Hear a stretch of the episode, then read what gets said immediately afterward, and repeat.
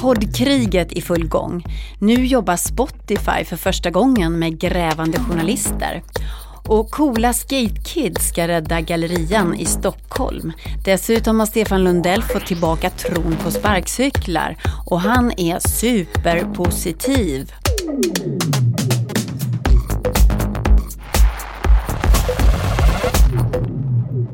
Kära lyssnare, varmt välkomna till Breakits podcast. Jag heter Katarina Andersson och i den här podden spanar vi om det nya näringslivet med Breakits egna redaktion. Men först, här är våra kortnyheter.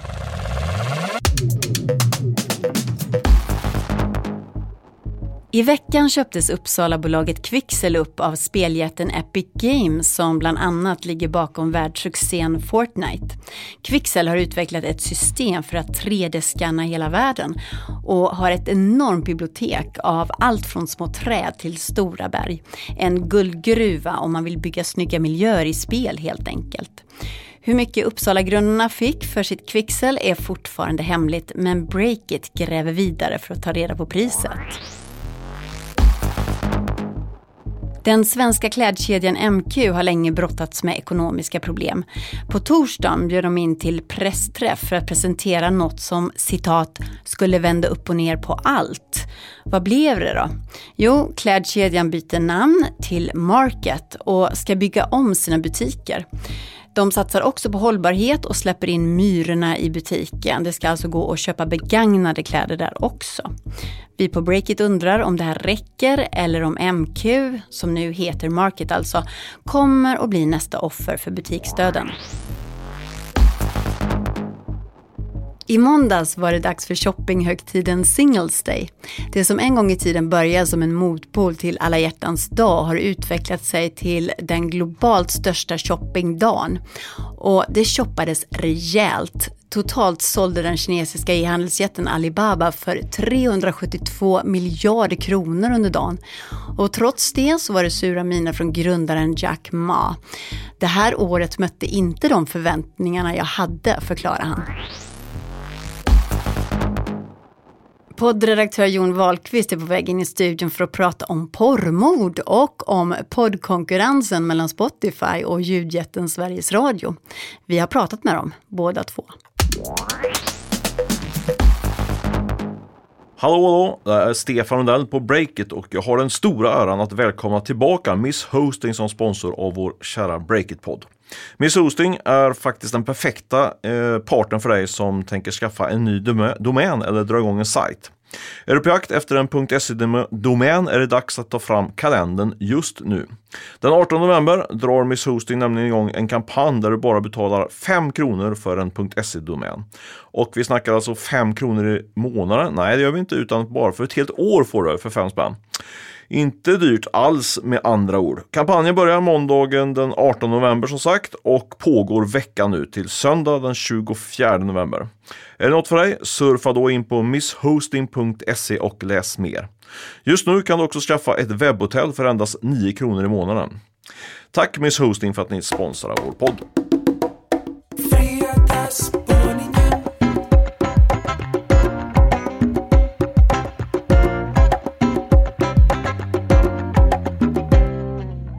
Kan Spotify sätta käppar i hjulen för Sveriges Radio med proffsiga poddar som produceras av Radio S och grävande journalister? Hallå, Jon Wahlqvist, poddredaktör. Nu ska du och jag som är poddnördar spana tillsammans. Ja, visst ska det bli härligt. Mm. För Spotify har för första gången släppt en podd som gjorts av grävande journalister. Olöst heter den. Det är ett true crime-drama eh, där journalister från prisbelönta produktionsbolaget Banda tar sig an kalla fall och ber allmänheten om hjälp för att lösa de så kallade porrmorden från 80-talet. Sista avsnittet är inte inspelat än, man ska alltså få tips från lyssnare då. Så formen är lite nyskapande och kul. Och kommer fallet vara löst när sista avsnittet eh, publiceras? Jon, vad är det som är så himla speciellt med att Spotify släpper en svensk podd som görs av grävande journalister? Ja, det är just det, att det är grävande journalister som gör den här podden. För det är inte första gången man släpper exklusiva poddar på svenska. De har ju haft eh, poddsuccéer som Della Q och den här podden med Carolina Gynning och Carina Berg. Just det. Men som sagt, det som är nytt är ju att det här är en annan typ av journalistisk produktion. Tidigare har det handlat mycket om pratpoddar. Och det här är ju vad som brukar kallas kvalitetsjournalistik. Ja men hur som helst så satt jag och tänkte här då att nu går Spotify in på ett område som fram till nu har regerats av Sveriges Radio, alltså journalistik i ljud. Nu sitter de och darrar som asplöv i radiohuset på Gärdet här. Så vi tog såklart kontakt. Ja, med både Spotify och Sveriges Radio. Och vi tänkte, nu så vässar de mot varandra, nu kommer det här bli en maktkamp i ljudvärlden, hårda ord och, och fet konkurrens. Vi hade förväntat oss en rejäl boxningsmatch, ont blod och sårade känslor. Men det blir ju inte alltid som man har tänkt sig. Okej, då läser jag det som Kajsa Lindberg, poddbeställare på Sveriges Radio, skrev i sitt mejl. Och jag ställer frågorna då. Mm.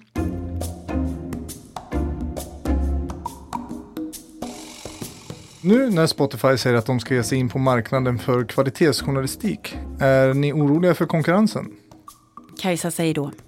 Naturligtvis är det konkurrens om en producent som Spotify börjar producera samma typ av innehåll som vi.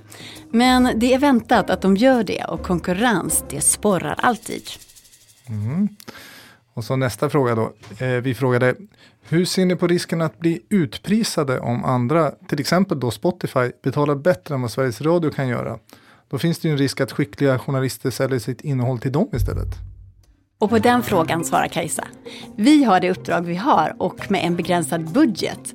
Att jobba för oss med vårt höga förtroende och långa erfarenhet tror vi kommer vara fortsatt intressant för duktiga journalister.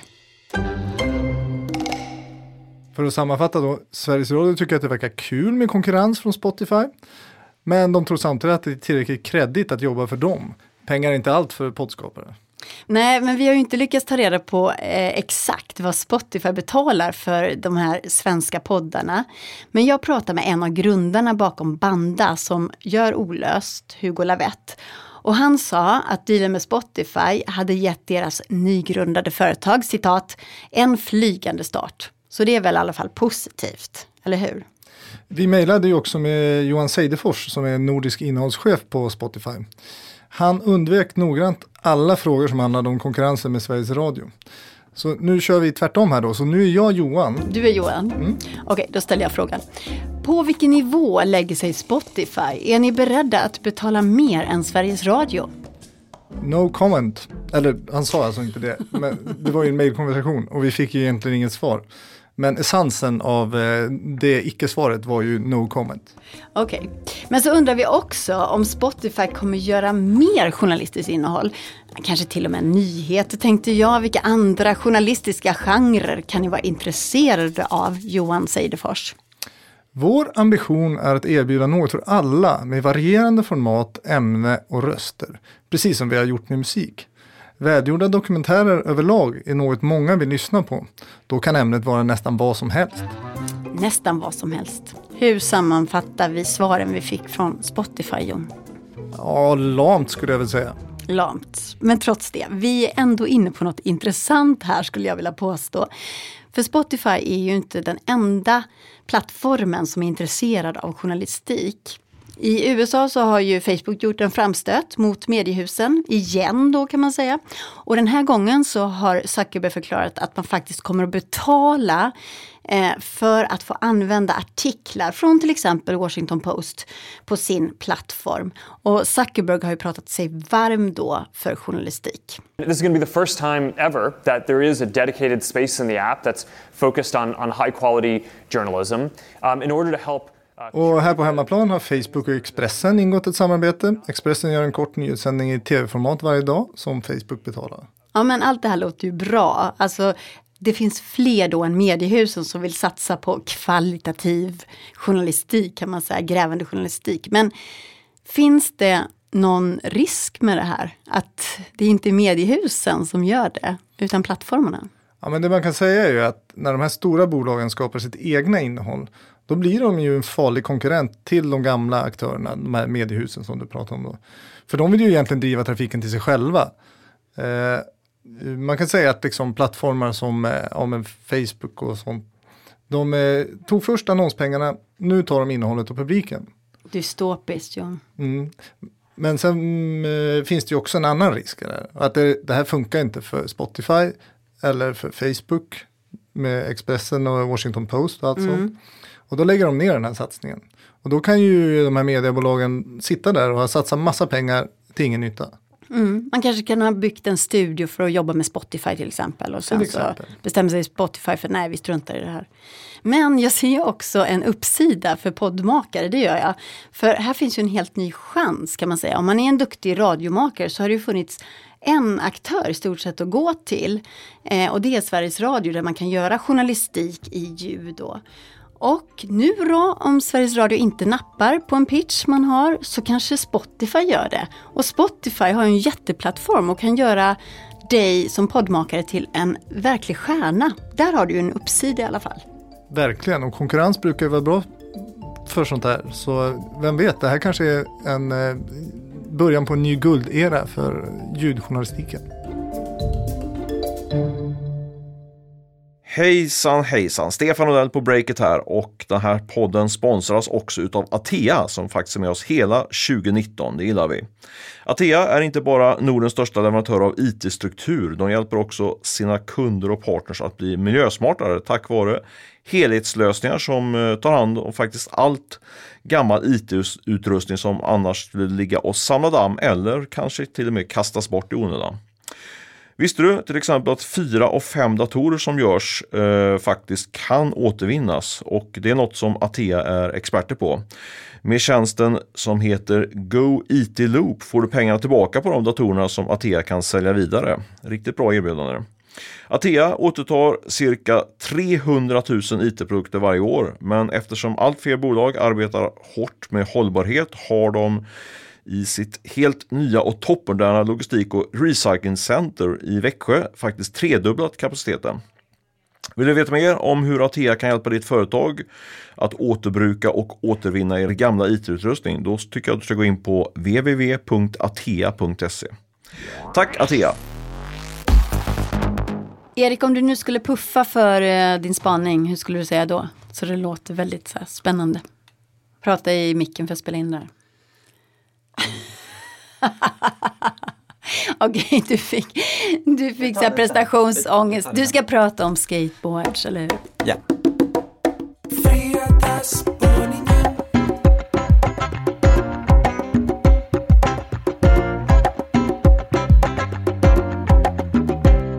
Alla snackar om butiksdöden, så vad ska fylla upp de svindyra lokalerna i city? Breakits Erik Wisterberg, han åkte på nyöppning i Gallerian och träffade näringslivsprofilen som precis har lanserat Sveriges första skatepark i ett köpcenter. Det är onsdag kväll i Gallerian i Stockholm. Närmare hundra ungdomar väntar på att få komma in i lokalen som en gång rymde stans största leksaksaffär. Nu ska något helt nytt öppna. Nu när vi stod och snackade här så kom det någon på, på en skate faktiskt och stannade snyggt bredvid. Hej! Hejsan, hej! Kvinnan som ligger bakom satsningen är ingen mindre än en av arvtagarna till megasuccén Babybjörn. Jag heter Lisa Thorén och jag älskar skateboarding och eh, kom på den här tokiga idén att bygga en skatepark inne i gallerian. Men vänta nu lite Erik, det här är Breakits podcast, det är inte en skatepodd om du trodde det. Va? Ja, varför ska vi lyssna på det här? Nej, men vi tar det från början. När jag var liten, då fanns det en magisk plats i gallerian. Det var leksaksaffären Stor och Liten och där fanns allt. Inför varje jul så fick jag åka dit och liksom tråna efter grejer att skriva upp på min lilla önskelista hemma. Det var butiken med stort B. Men nu är du vuxen och den där butiken är för länge sedan borta. Eh, det var julhandeln 2018 som knäckte BR Leksaker som då hade tagit över efter Stor och Liten. Och, och med BR så gick 62 butiker i graven i den konkursen, eller hur? Ja, butiksdöden slog verkligen till bara några dagar efter julafton. Och sen dess har gallerian renoverat och byggt om. Och i onsdags kväll så var det alltså premiär för något nytt, skateparken Push. Och den ligger faktiskt på exakt samma ställe som min barndoms drömbutik. Klockan 17.00 slogs portarna upp och en hel flod av kids välde in och jag träffade en av hjärnorna bakom det här projektet. Jag heter Alex Lindgren och driver ett projekt då i gallerian som heter Push. Och eh, det är en handelsplats, mötesplats och skateboardplats. Vilket är ett väldigt unikt koncept. Att få in alla tre bitarna. Och det som gör det här möjligt, det är butiksdöden, internethandeln som gör att man måste fylla på med riktigt content. Det måste vara lite mer på allvar. Liksom. Okej, och det är väl här då som den här spaningen börjar handla om något mer än bara skateboards. Eh, köpcenter och gallerier, de behöver fyllas upp med något nytt för att locka kunder. Och det är därför det är så intressant här. Det är visserligen en skatepark med en stor bowl och en streetyta, men det är också ett retailkoncept. För på golvet ska varumärken som Vans hyra in sig och sälja i sådana här pop-up butiker. Så det här blir dels ett sätt att locka besökare till gallerian och dels ett sätt att skapa en yta där man kan kapitalisera på skaterna och kanske mest då på deras föräldrars plånböcker. Men ge mig en bild bara Erik, hur ser det ut där? Är det som en sån här skatehål du vet i marken som man åker upp och ner? Eller vad betyder skatepark i det här? Hur ser det ut? Ja, man kommer in och så är det ett stort betonggolv och sen till vänster så är det en stor skateboardramp och sen finns det liksom eh, olika hinder uppställda. Bakom en vägg så är det lite graffiti och det ser rätt coolt ut liksom. Mm. Men eh, man tror då alltså att alla de här skaterna ska kunna dra folk till gallerian. Hur i hela friden ska det här gå runt? Ja, det undrade jag också och enligt mina källor så betalar Push då inte direkt någon hyra verkar det som. Ägaren AMF Fastigheter verkar se det här mer som marknadsföring och som en publikdragare för hela gallerian. Sen finns det också sponsorer som betalar för exponering och så är det delvis ett filantropiskt projekt då lejonparten av intäkterna ska gå till Sverige för UNHCR. Mm -hmm. Och i början så fick vi höra eh, kvinnan då, Baby Björn-kvinnan Lisa Thorén.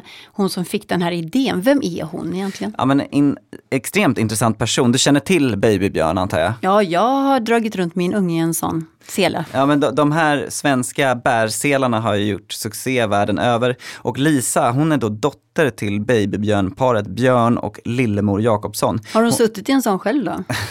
I guess. Uh, nej men hon var ju en av de barnen som spelade en roll i produktutvecklingen, verkligen. Men hon äger nu 25% av det här bolaget och sitter i styrelsen för uh, Babybjörn. De omsätter ju över 600 miljoner och har en vinstmarginal på över 20 Och Lisa är lite drygt 50 år och skatade då. Och så har hon själv investerat i vad hon kallar för ett skate techbolag som heter ProSkate. Så det är ingen slump att just hon är en av personerna bakom Push, den här skateparken. Då. Det här tycker jag är fascinerande. Men om vi ska bredda den här spaningen lite, är det här bara ett skojigt projekt då eller är det ett tecken i tiden? Men de kommande åren, de blir nog dramatiska för hela butiksbranschen. Köpcentrum och gallerior, de är ju chanslösa när det kommer till att konkurrera med e-handel på pris och utbud. Så varför ska man ens åka dit? Och där tror jag väl att upplevelser och aktiviteter kan bli en del av lösningen för den transformation som köpcentrum och gallerier måste gå igenom. Och för mig blev det här nästan en övertydlig illustration av det, att se hundra kids skata samtidigt på bästa butiksläge i Stockholm. Mm. Och eh, det tyckte ju Lisa Thorén också när vi stod och snackade bredvid en av de här ramperna. Ja, vi tror ju att det här är ett vinnande koncept. Alltså, vi märker det, alla vill eh, jobba ihop med oss för att det går inte längre att bara ha en tråkig butik utan det måste hända någonting. Det här är början på framtiden. Och det sa Lisa Thorén till vår reporter Erik Wistberg. Och där så lämnar vi gallerian och butiksstöden för den här gången. Stefan, jag säger som Jesus, allt är förberett. Det är bara att komma in. Nej, säger man så? Säger, allt är redo säger man. Allt är redo. Allt är redo. Ja, så säger man. Allt är redo. Alltid redo säger man i scouten också. Och vad är det du ska prata om? Jag ska prata om Voi. Okej, så snart Stefan Lundell om skoterbolaget Voi. Hej, jag heter Olle Aronsson, är medgrundare på Breakit och vill berätta att Breakits podcast sponsras av Kindred denna vecka. Kindred är ju speltechbolaget där Sören Törnlund chefar över utvecklarna och en viktig del av metodiken med större utvecklingsteam som det är på Kindred, det är ju hur man hanterar distansmöten. Det är ju inte alltid helt lätt får man säga. Eh, Sören, kan inte du berätta om någon gång när det inte har fungerat så bra att köra distansmöte?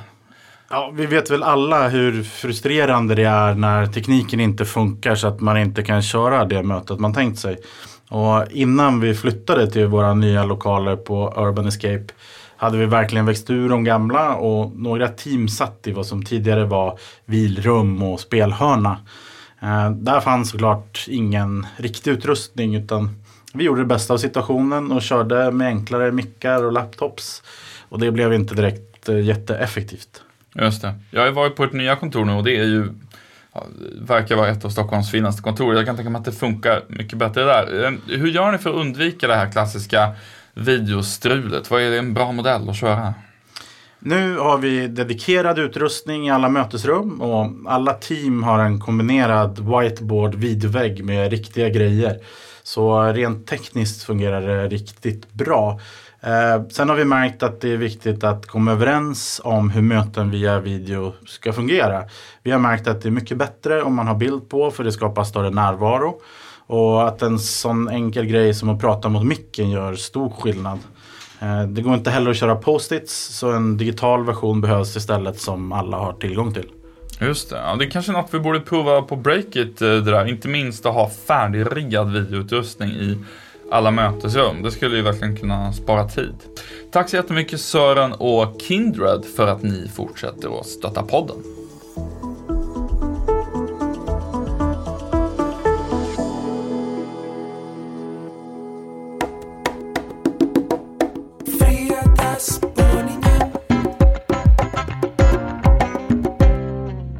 Vi fått in Stefan Lundell här i poddbåset och idag så ska du alltså snacka om sparkcyklar. Stefan, brukar du köra sparkcykel själv? Nej, jag var faktiskt jag var riktigt sån early adopter när, när, när, det var ju Voi som var först i Stockholm tror jag i alla fall med sparkcykel. Då testade jag att köra sparkcykel. Det var, kändes väldigt farligt och väldigt roligt. Men sen har jag faktiskt inte kört någonting så jag, jag går eller springer i stan istället. Men du har i alla fall skrivit om dem, de här sparkcykelföretagen. Eh, och eh, det känns inte så himla länge sedan som du pratade om att elskoterbolaget Voi var årets bubbla. Det är ganska hårda ord. Mm. Men nu har du plötsligt ändrat dig och är superpositiv. Vad är det som har hänt? Ja, men jag är ju som vanligt en riktig sån vindflöje. Superpositiv kanske jag ska jag vill nyansera att jag är. Eller så här, man kan säga man kan, man kan både vara superpositiv och, och supernegativ till det här. Och jag har ju börjat med att vara supernegativ då. Nu, nu har jag liksom inhämtat den, den superpositiva eh, synen utifrån att jag snackat med två av de största investerarna i, i Voi. Så du har ett spännande case och hur ser det ut då? Alltså i grunden så är det, ju, är det faktiskt en ganska spännande samhällsförändring som drivs på utav, eh, utav innovation, eh, om man ska vara lite högtravande. Eh, det, det handlar ju om det här, alltså hur vi, hur vi transporterar oss korta sträckor, kanske en till fem kilometer. Tidigare har det varit väldigt mycket kollektivt eller bilåkande. Eh, men nu med de här elskotrarna bland annat då, och lite andra typer av färdmedel så, så, eh, så kan man helt enkelt transportera sig på ett smartare och, och enklare sätt och det öppnar upp en gigantisk marknad. Uh, för att om, om, man kan ju tänka, alltså leka med, med, med uh, vad säger man, leka med, vad säger man? Leka, leka med tanken. Leka med tanken, säger man, just det. uh, att, nej, men om man tidigare har varit bilar, dyra bilar som har transporterat oss i, i, stora, i stor omfattning de här kortare sträckorna. Om man då tar bort bilarna och istället så skickar man in elskoter eller andra då, så det skapas det ju liksom en, en, en, marknad, en lucka på marknaden då som man kan kapitalisera på som, som de här riskkapitalisterna ser den chansen då. Ja fast de är ju duktiga på att hypa de här, den här kilometern och sådär också. För att det allra enklaste är att bara ha en egen cykel. Cykel som man alltid har haft. Ja men så är det, eller gå ska man säga. Mm. Alltså för många, många drar ju det här caset att det är från 0 till kanske 6-7 km. Men där får man anföra att eh, de första kilometern går man väl snabbast istället för att ta en elsparkcykel. Då. Men det är väl bara att se här på redaktionen. Det är ju flera som, som använder sig utav elsparkcykeln för att ta sig till jobbet. Eh, så det, även om du och jag kanske inte använder det så finns det uppenbarligen en marknad för det. Det funkar. Men det man ser då i Stockholm då och även eh, på övriga marknader runt om i både Europa och USA det är att eh, eh, många har liksom identifierat det här, det här marknadshålet och potentialen och eh, kastat formen in pengar i det här segmentet. Så det, det har blivit en överetablering. Så det finns bara i Stockholm finns det, jag tror 8, 9, kanske 10 eh, elsparksaktörer. Och det är ju liksom eh, hur jag, den, negativa, den negativa synen på det här, att det här är överetablerat, en hås bubbla som kommer att spricka. Eh, Men efter att ha pratat med de här investerarna då, så ser jag väl ett annat scenario eh, som bland annat, som till första läget kommer innebära eh, ond bråd död för många. Man, många, ja, många kommer bli utslagna, det blir blodigt. Det blir en så kallad konsolidering som man brukar säga i, på finanssvenska. Eh, vilket i praktiken innebär att de, de små slås ut och de, de stora köper upp varandra kan man säga. Så det blir färre aktörer kvar. Så det här kommer sluta med att en vinnare tar hem allt menar du då?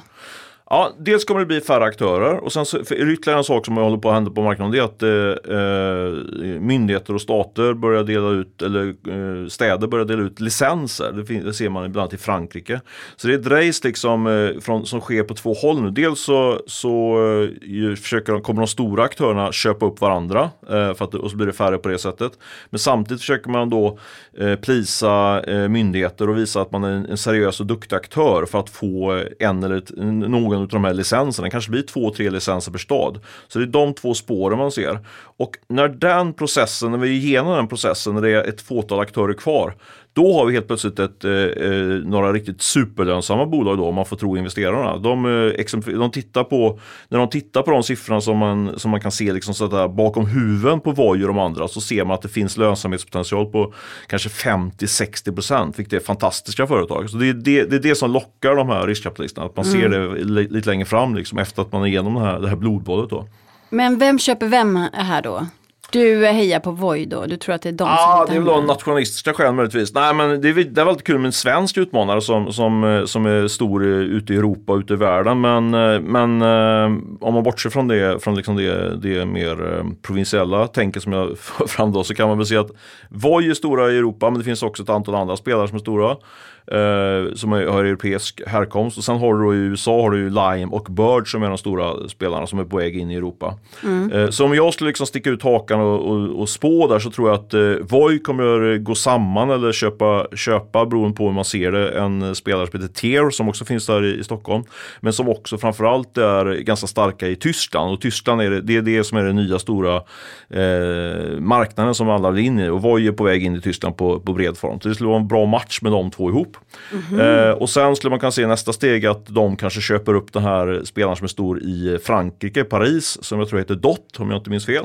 Du kan det här, du har Ja, gjort jag din har läst på research. lite grann. Men förenklat med många namn där. Men förenklat kan man säga att, eh, att eh, Voi kommer vara med och bygga upp en stor europeisk spelare. Och sen i nästa steg tror jag att det kommer bli så att antingen Lime eller Bird slukar Voi eller kanske Uber köper upp Voi eller kanske de börsnoteras. Så det är liksom det, men det, nu pratar vi om det här positiva scenariot.